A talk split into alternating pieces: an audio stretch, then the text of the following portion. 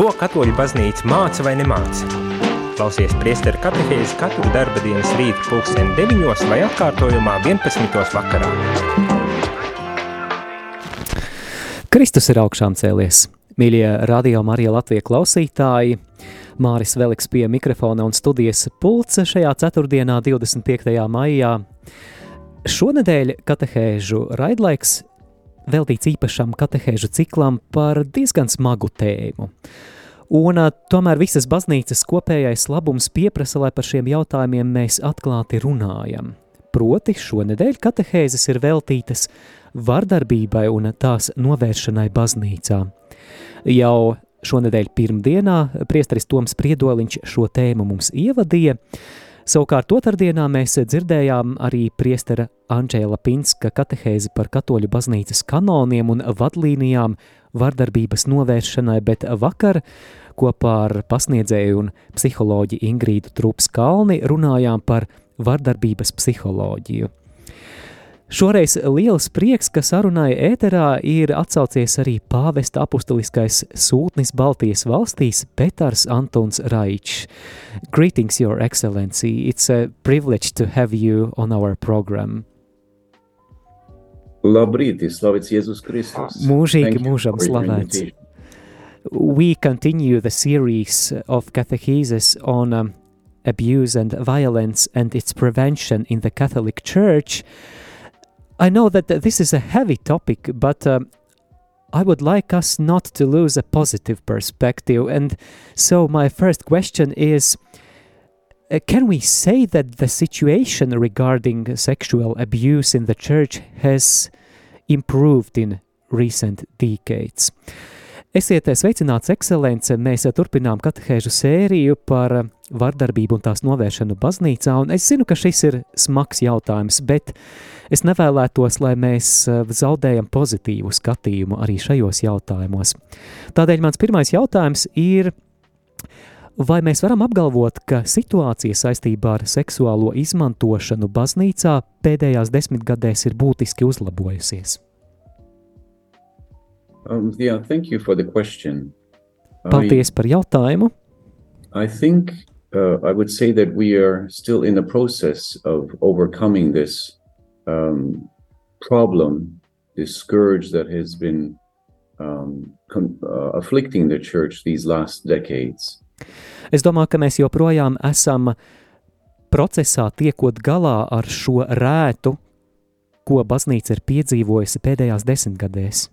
I also believe that things are getting better in general, even though uh, not everything has been eradicated yet. Es esmu arī pārliecināts, ka lietas kļūst labākas, lai gan arī visas problēmas vēl līdz šim nav novērstas. The fact that um, the church is more aware of the problem and is confronting it as best as it can is already a sign that things are improving. Fakts, ka baznīca apzinās šo problēmu un strādā pie tās risināšanas, tā jau ir laba zīme, ka lietas uzlabojas. From the times of uh, Pope John Paul II, who's now Saint John Paul II, then um, things started to be uh, approached more seriously regarding this problem. This continued during the times of Pope Benedict's uh, pontificate, and also now, obviously, with during Pope Francis's uh, pontificate. Šo problēmu nopietna risināšana sākās jau pāvesta Jāņa Pāvila otrā pontifikāta laikā. Turpinājās arī esot pāvesta krēslā Benediktam 16. un šobrīd arī pāvesta Franciska laikā. The fact that uh, this awareness is present in the church is helping, is helping, I believe, the church to avoid this problem as best as it can and to confront the genuine cases in a just manner. Jau fakts, ka baznīca apzinās šīs problēmas klātesamību, ļauj risināt šīs problēmas un ķerties klāt tiešām reāliem gadījumiem, lai tos novērstu.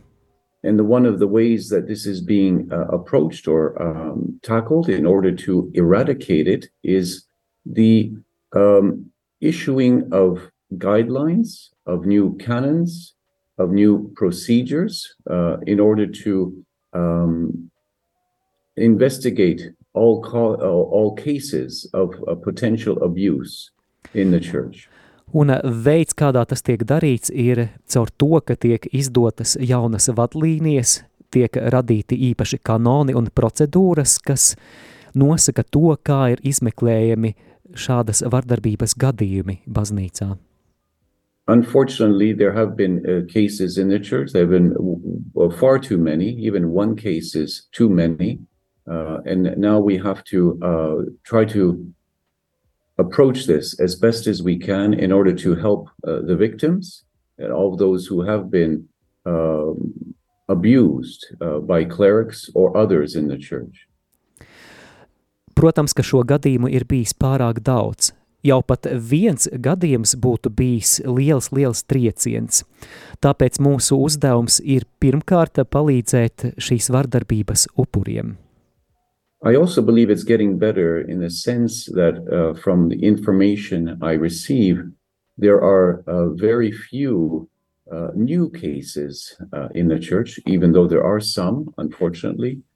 But uh, in in many dioceses around the world, many are dealing with previous cases that were not dealt with properly. Pēc mums pieejamās informācijas mēs varam apgalvot, ka pēdējā laikā šādu gadījumu ir krietni mazāk, lai gan, protams, gadījumi ir. Vairumā diecēžu, kur tiek risināti šie jautājumi, runa ir par senākā pagātnē notikušām lietām. So, in general, I would say yes, things are getting better generally, even though it is not completely uh, eradicated. And but the church is uh, taking the problem seriously and approaching it uh, as best as it can uh, through um, with the guidance of the Holy Spirit. Tad no atbildot uz jūsu jautājumu, mēs varam apgalvot, ka patiešām situācija ir uzlabojusies, tomēr tā vēl netuvu nav pilnīga. Proti ir gadījumi, un ar svētā gara palīdzību mēs turpinām strādāt. Excellency, you are talking about helping um, victims of abuse. So my next question is, um, are there ministries in the church to help victims of uh, sexual abuse? Jūs, ekscelencija, jau runājāt par nepieciešamību baznīcai palīdzēt vardarbības upuriem. Tādēļ mans nākamais jautājums ir, vai baznīcas ietvaros ir kalpojumi, kas vērsti uz palīdzības sniegšanu seksuālās vardarbības upuriem? I believe there are some uh, institutions in some uh, parts of, of the world, in some uh, dioceses, that have uh, established um, committees or um, networks of people to help uh, victims of abuse.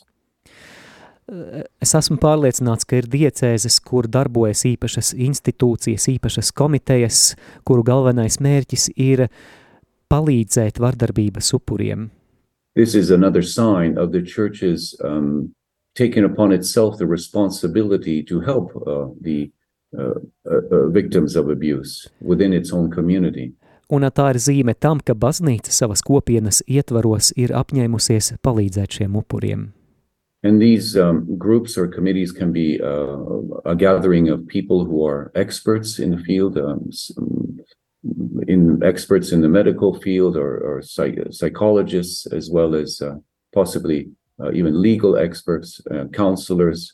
Uh, a, a, they can be a, a wide variety of people who are there to help Šīs eh, palīdzības grupas sastāv no ekspertiem, no medicīnas jomas ekspertiem, padomdošanas um, speciālistiem, psihologiem, tātad eh, dažādu jomu cilvēki, kuri piedalās šajā palīdzēšanas procesā. Um, next question is, um, how should uh, people react when they, they are hearing news about a priest who has been accused? Nākamais jautājums ir, kā cilvēkiem būtu jārēģē brīžos, kad viņi dzird ziņas par kādu priesteri, kurš tiek apsūdzēts par vardarbību? If I understood the question, is when the priest is abusing or is is abused? uh, so uh, the situation when we just hear the news that there is some priest who has been accused of uh, being Yes. uh, vi- violent or abusing some others. But uh, but we we are not sure. We don't know. This is just the the first news and how to react. Tātad uh, jautājums ir, jā, kā, kā rīkoties situācijā, ja tu dzirdi ziņās par kādu priesteri, kurš it kā tiek apsūdzēts vardarbībā, bet mums nav nekādu pierādījumu, mums nav nekādu zināšanu par to, nav nekādu faktu. The new, the most recent guidelines of the church um, um, uh, strongly suggest that uh, any any uh, possible accusations or uh, uh, assumptions of abuse be immediately reported to um, the church authorities because it is such a delicate and serious matter. Uh, this has to be reported so that if people do hear of, of some abuse, they should first of all try to verify it for themselves to if this is possibly true, uh, or uh, even uh, explain, um, report a a doubt that there might be to the competent church authorities uh, locally. Pašreizējās vadlīnijas paredz procedūru, ka dzirdot par šādiem gadījumiem, obligāti ir jāziņo baznīcas autoritātēm, vadītājiem. Protams, savu iespēju robežās mēs pārliecināmies par šo informāciju, bet tad, ja tas paliek tikai šaubu eh, līmenī, arī tad ir jāinformē attiecīgās baznīcas instances. So the um, yes, th- these things should be reported, should be reported uh, immediately, uh, so that um, a proper uh, church investigation can be in- initiated if necessary, and then the church authorities will verify the facts of the case. Tātad ir jāinformē baznīcas institūcijas un tās pārbaudīs informāciju par konkrēto lietu. There are often cases uh, when a priest is falsely accused. Perhaps uh, one of the most high profile cases in recent years has to do with Cardinal Pell of Australia, who was accused but later acquitted by a court. How to protect the priest in a situation with false accusations? Nereti ir bijuši gadījumi, kad priesteri tiek apsūdzēti nepamatoti. Iespējams, viens no viskaļākajiem gadījumiem pēdējos gados bija saistīts ar Austrālijas kardinālu Pelu, kurš tika apsūdzēts, bet vēlāk augstākās tiesas instances attaisnots. Kā pasargāt priesterus situācijās, kad pret tiem tiek izvirzīti nepamatoti apsūd, nepamatotas apsūdzības? It's a very delicate question and also a good one, I would say, uh, uh, at this time. Tas ir ļoti delikāts jautājums, bet arī ļoti labs jautājums. um, when a priest is falsely accused, I believe what is uh, very important is to arrive at the truth, the truth of the facts of the case. This is uh, uh, extremely important to, in order to protect the priest from any possible uh, false accusation, uh, accusations. Therefore, um, uh, uh, to arrive at the truth is, is, is fundamental in these uh, cases. Lai aizsargātu priesteri, kurš tiek nepatiesi apsūdzēts, vislabākais, ko var darīt, ir iespējami ātrāk nonākt pie patiesības par šo gadījumu. Tas ir fundamentāli šajā lietā. Uh, this is why, even though the priest might be falsely accused, uh, according to the the structure of the guidelines thus far, an investigation has to begin, and uh, this is why it is important to start it right away, and then to uh, arrive at the truth of, of the facts. The the one accusing the priest has to provide concrete proof uh, of possible abuse. Jebkurā gadījumā vadlīnijas paredz to, ka pat šaubu gadījumā vai aizdomu gadījumā ir jāuzsāk izmeklēšanas procedūra. Un tā būtu jāuzsāk iespējami ātrāk, it sevišķi, ja mēs runājam par gadījumiem, kad priesteris tiek nepar, nepatiesi apsūdzēts, lai iespējami ātrāk būtu iespējams nonākt līdz patiesībai. the church takes this uh, even these false accusations seriously so all sides would have to be uh, listened to the one accusing as well as the one who is being accused Baznīca ļoti nopietni uzņem šīs apsūdzības, tādēļ ir nepieciešams uzklausīt visas puses, gan apsūdzēto, gan apsūdzētāja pusi. In some circumstances, it can cause um, difficulty, pain, and suffering for the accused priest who is innocent, as was the case with Cardinal Pell, a clear example of this. But it is important to arrive at the at, the truth of the facts. Protams, garīdzniekam tas var sagādāt lielas ciešanas, lielus pārbaudījumus, un piemērs ir kardināla Pēla gadījums, bet ļoti ir svarīgi nonākt pie faktiem, pie patiesības par šo lietu. I have heard about insecurity that is rising among priests for their own safety uh, because of the danger of being falsely accused. A priest once said he works for 300 euros a month. He has no social security and is considered, I'm sorry, a pedophile. Uh, why should he continue? Is there any encouragement for a priest mm, today? Nākamais jautājums ir, esmu dzirdējis par nedrošību, kas pieaug arī starp priesteriem par viņu pašu drošību, jo ik viens kādā brīdī var tikt nepatiesi apsūdzēts. Kāds priesteris apgalvoja, ka viņš strādā par 300 eiro mēnesī, viņam nav nekādu, nekādas sociālās apdrošināšanas un sociālo garantiju, turklāt viņš tiek uzskatīts par pedofilu. Kāpēc viņam vispār turpināt šo kalpojumu? Vai ir kāds iedrošinājums priesteriem šodien, ņemot vērā visus šos minētos faktus? This is a, a sensitive issue uh, and an important one for priests as well. Tas ir ļoti jūtīgs jautājums un, protams, ļoti svarīgs jautājums priesteriem.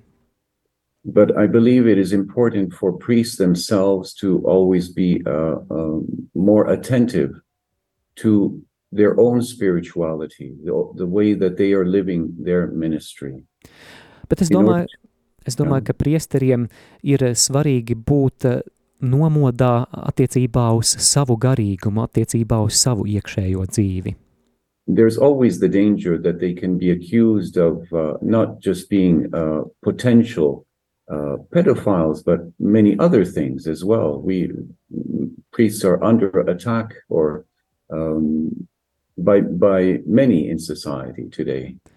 Jo priesteris var tikt apsūdzēts kādā mirklī ne tikai par to, ka viņš ir it kā pedofils, bet uh, par dažādām citām lietām. Sabiedrības uh, priekšā mēs eh, esam potenciālu uzbrukumu vai pārmetumu upuri.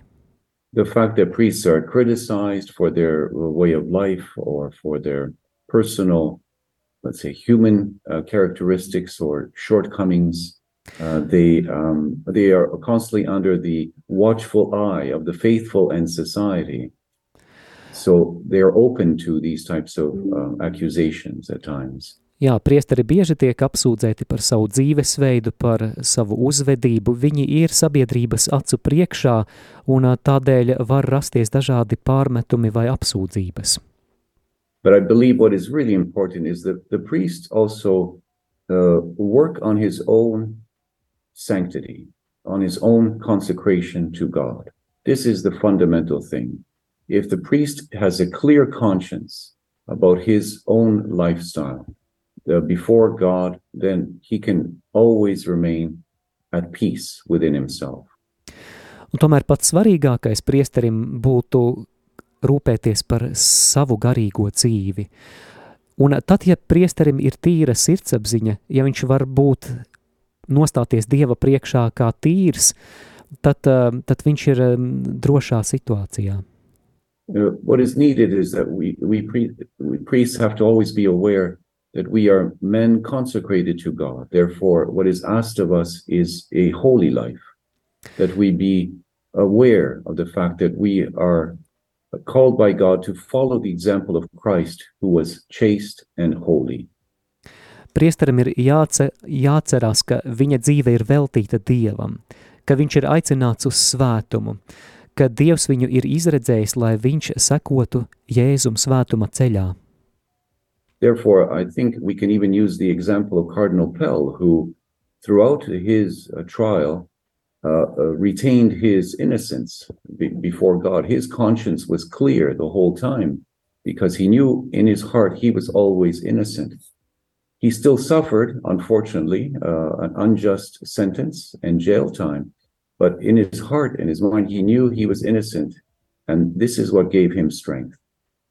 Kā piemēru mēs varam minēt Austrālijas kardinālu Pelu, kurš pat apsūdzību laikā, kad viņš tika tiesāts, staigāja ar tīru sirdsapziņu, zinot, ka Dieva priekšā viņam nav par ko baidīties. Un, lai gan viņam nācās ciest, lai gan viņam nācās izciest arī ieslodzījumu cietumā, tad, tad viņš bija stiprs savā sirdsapziņā. Therefore, I would encourage all priests and bishops and all, all consecrated people in general in the church that we always have to uh, constantly work on ourselves for a, a continuous and profound conversion of our hearts and minds so that we are aware um, of our behaviors, that anything that we say or do could be interpreted in a wrong way, uh, and to especially avoid any situations where we could compromise our, our vocation and fall into sin. Tāpēc mans aicinājums ikvienam priesterim un konsekrētajām personām ir nemitīgi strādāt pie savas atgriešanās un apzināties, ka, ka visas darbības, katrs vārds, katrs žests var tikt interpretēts arī nepareizi. Un uh, tas ir aicinājums izvairīties no jebkādām kompromitējošām, iespējami kompromitējošām situācijām sabiedrības priekšā. why do these crimes of abuse uh, happen in the church and uh, how can this be corrected? Kā, kāpēc vispār baznīcā šādi noziegumi notiek un, uh, un kā šo situāciju var mainīt? Well, they happen because uh, the church is also comprised of human beings who are uh, sinners, just like all others who are not part of the church. Tas ir tādēļ, ka baznīca sastāv no cilvēkiem. Eh, gluži kā, kā cilvēku, cilvēciskais elements ir eh, jebkur arī ārpus baznīcas atrodams. They, they, these things shouldn't happen in the church. We are aware of it, but they do because um, people of the church can also be um, influenced by uh, society, by the mentality of the world, and uh, especially by the um, let's say the the um, the the um, let's say um, permissive mentality that has been spread in society, especially regarding human sexuality. Baznīca sastāv no cilvēkiem, un, diemžēl, daļa no tiem var būt arī pasaulīgu vērtību un mentalitātes ietekmēti. Es to sauktu par Mm, visatļautības mentalitāti attiecībā uz cilvēka seksualitāti. Therefore, it is important for us to recognize the fact that this mentality of the world is not uh, in accordance with God's will, and that we, all of us, priests, God consecrated people, and lay people, are called to sanctity, that we uh, are called to a, live a holy life and to avoid all, all sin and all near occasions of sin. Tādēļ mums jāapzinās, ka šāda visatļautības mentalitāte nav pieļaujama. Tas neatiecas tikai uz priesteriem. Ikvienam no mums, arī lajiem, ir jāapzinās savs aicinājums uz svētumu.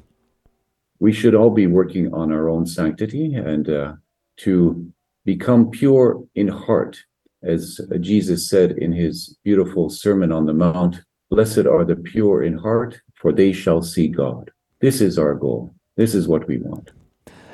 Vi ik viens esam aicināti saglabāt šķīstu sirdi, strādāt pie sava svētuma un e, īstenot savā dzīvē to, par ko Jēzus savā skaistajā kalnas prediķī runā, svētīgi sirdšķīstie, jo viņi Dievu redzēs.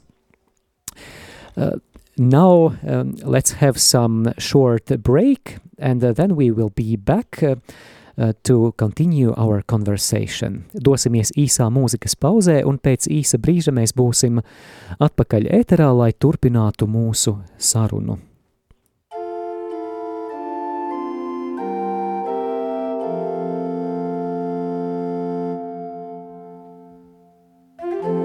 Seigneur Jésus, Dieu fait homme, lumière née de la lumière, prends pitié de nous. Christ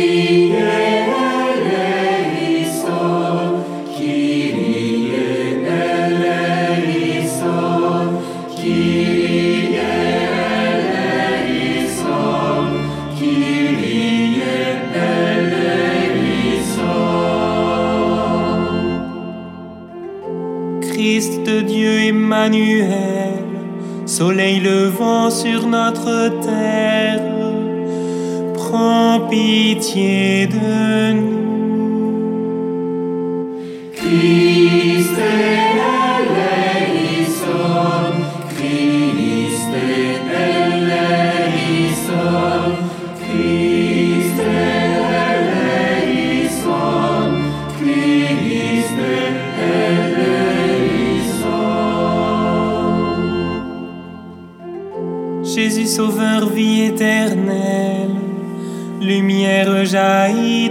Ténèbres, prends pitié de nous.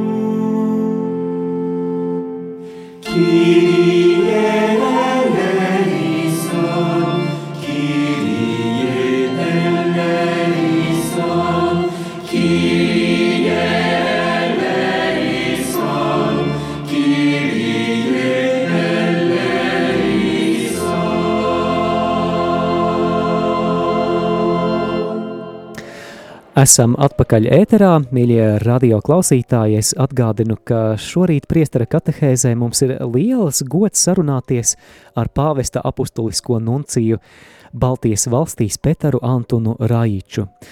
Šīs dienas un vispār šīs nedēļas katehēžu cikla tēma ir diezgan smaga tēma, tā ir saistīta ar seksuālo vardarbību baznīcā un tās novēršanu bet eh, šie ir svarīgi jautājumi, par kuriem esam aicināti runāt baznīcas un visas sabiedrības kopējā labuma vārdā. Un eh, mēs eh, turpinām šo sarunu, un es atgādinu, ka arī tavā rīcībā ir apmēram desmit minūtes klausītāji, ja tu vēlies arī iesniegt savu jautājumu, tad tev vēl ir iespēja iesaistīties ēterā un uzdot savu jautājumu. Uh, Excellency, uh, my next uh, question is um, Has there been any changes um, in guidelines and procedures regarding sexual abuse uh, during the pontiff of Pope Francis, and what are those? Mans jautājums ir, vai pāvesta Franciska laikā ir tikušas veiktas kādas izmaiņas vadlīnijās vai procedūrās, kā rīkoties izmantošanas gadījumos? We can say that Pope Francis um, continued forward from where Pope Benedict left off. Mēs varam uh, apgalvot tā, ka pāvests Francisks turpināja no tām pozīcijām, um, kas jau bija pāvesta Benedikta 16. laikā. Uh, some guidelines were already uh, provided during uh, the times of Pope Benedict, and now Pope Francis has also provided uh, newer, more updated let's say, uh, guidelines that help uh, the whole process, especially uh, are helping bishops at the local level in dealing with potential cases of ab- abuse of minors on the part of priests or consecrated persons. Pāvests Benedikts 16. bija izdevis vadlīnijas, kā rīkoties šajās situācijās, bet pāvesta Franciska laikā ir uh, izdotas eh, atjauninātas vadlīnijas, eh, kur eh, ir arī kādas izmaiņas, lai palīdzētu vairāk bīskapiem vietējā līmenī darboties ar kādiem apsūdzības gadījumiem. This is also a sign of the Pope's concern uh, for the entire church that uh, this issue be uh, confronted uh, seriously and responsibly and transparently. Tā ir zīme par pāvesta rūpēm, ka viņš ir apņēmības pilns rīkoties situācijas uzlabošanā, un liels uzsvars tiek likts uz caurspīdīgumu, uz atklātību. Uh, it is also a sign that uh, the church is concerned for uh, potential victims of abuse. And uh, in this, I believe the church is also providing an example, even in this uh, terrible problem of uh, pedophilia and abuse of children and minors, providing an example of other sectors of society that they too should be dealing with the problem of abuse of children in general. Tā ir arī zīme baznīcas rūpēm par upuriem.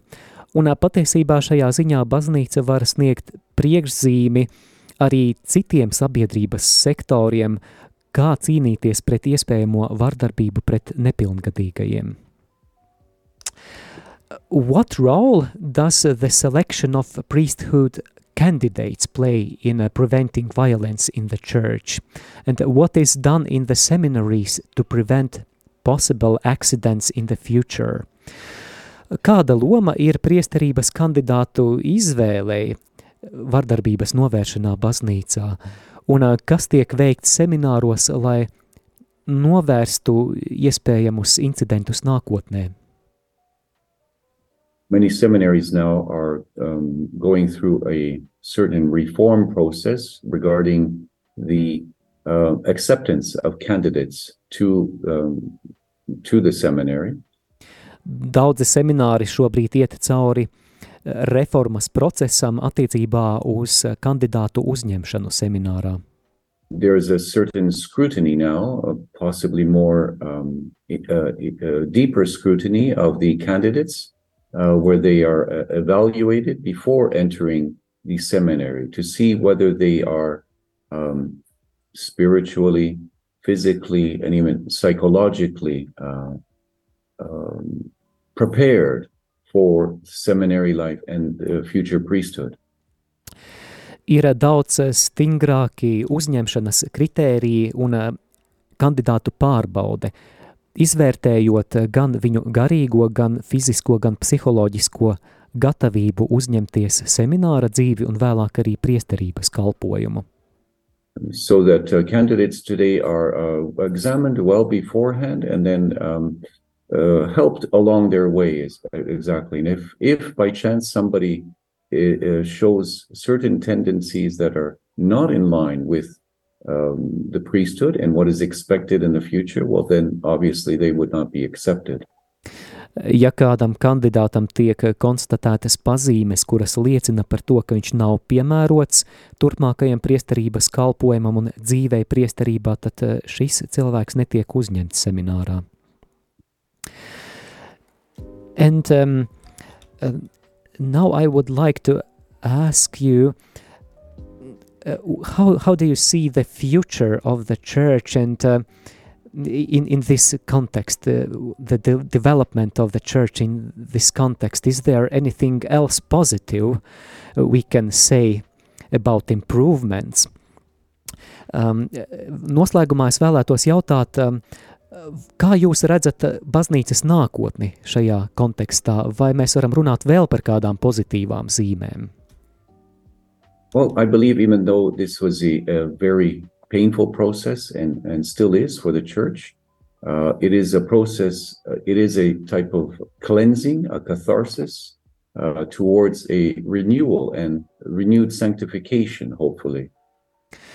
Es uh, zinu, ka tas ir ļoti sāpīgs process, situācija ir sāpīga, bet tai pašā laikā tas ir attīrīšanās ceļš pretī atjaunotnei. the goal is to arrive at uh, a personal consecration, uh, a better sanctification of the people of God, including priests and laity, consecrated persons as well, so that uh, there be a, let's say, personal sanctity and a moral commitment on the part of everybody in the church. Uzsvars ir uz personisku veltīšanos Dievam, uz uh, svētapšanu, un, um, un um, tādu morālu apņēmību arī iet šo pilnveides ceļu. I think even though the process is painful, it is still it's bringing us even more closer to God, hopefully, and in our search for Him, in our search for His grace, His mercy, uh, the gift of the Holy Spirit as well. So this could be, could lead, hopefully, to a renewal of the church in, uh, and consecration in the Holy Spirit. Šis ir ceļš, kurā mēs esam aicināti tuvoties Dievam, dzīvot dzīvi svētā gara vadībā, un es ticu un ceru, ka šis ir ceļš pretī baznīcas atjaunotnē. It is a long process. It is something that will not come overnight, but uh, we are constantly working on it. The church is constantly on its journey towards the kingdom, and each one of us in it. Tas ir garš process. Tas uh, nav process, kurš var uh, noslēgties vienas diennakts laikā. Tas ir ceļojums pretī uh, Dieva valstībai. So the hope is that we will soon be rid of all cases of potential abuse of minors and work on our own sanctification to have a holy people of God, a, a royal priesthood, as St. Peter uh, uh, writes in one of his epistles. Mērķis ir novērst pilnībā nepilngadīgo izmantošanas gadījumus un uh, kļūt par šo karalisko priesterību, izējot svētdarīšanas ceļu, kā to raksta apustulis Pēteris savā pirmajā vēstulē. And um, um, in the end of our conversation, let's uh, change a topic. Uh, let's talk about some some good and beautiful things. Uh, we are waiting for the feast of Pentecost this Sunday, the feast when we are celebrating uh, um, this coming of the Holy Spirit. And uh, what is your wish, Excellency, to our listeners regarding this? Parunāsim noslēgumā arī par kādām skaistām lietām. Mēs gaidām vasaras svētkus, jau pavisam drīz svinēsim svētā gara nonākšanu, un, ekscelence, kāds būtu jūsu novēlējums mūsu klausītājiem šajā sakarā? Well, my wish for all those uh, listening today and following this program is, and, and for the church, is that we all become um, more aware of the presence of the Holy Spirit in the church and in us. Mans novēlējums ikvienam šī raidījuma klausītājiem ir arvien vairāk apzināties svētā gara klātbūtni baznīcā un mūsos.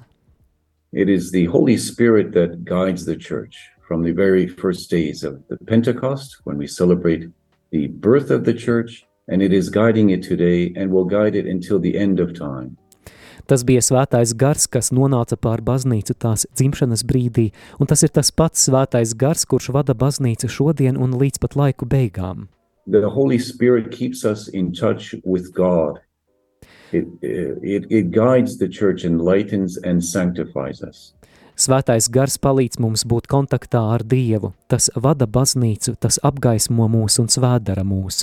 This is why I, I, often suggest to the faithful that we, we must pray to the Holy Spirit every day of our lives.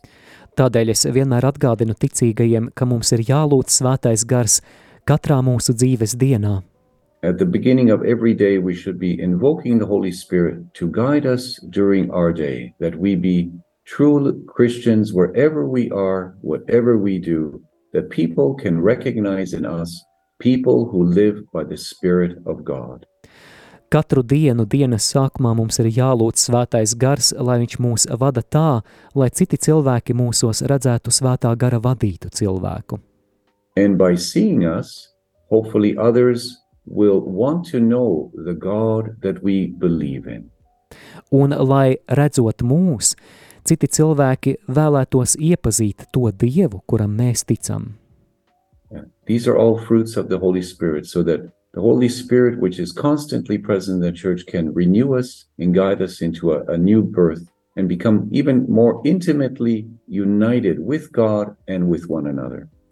Šie ir svētā gara augļi, un lai Dievs, svētais gars mūs vada dziļākā vienotībā ar baznīcu un vienotībā savā starpā.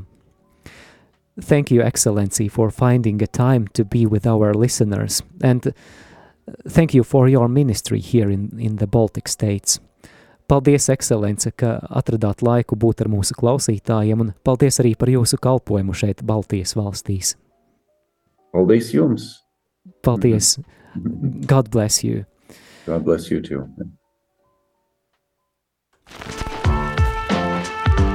Jūs klausījāties priesteri katehēzi, kas ir iespējama pateicoties jūsu ziedojumam. Paldies!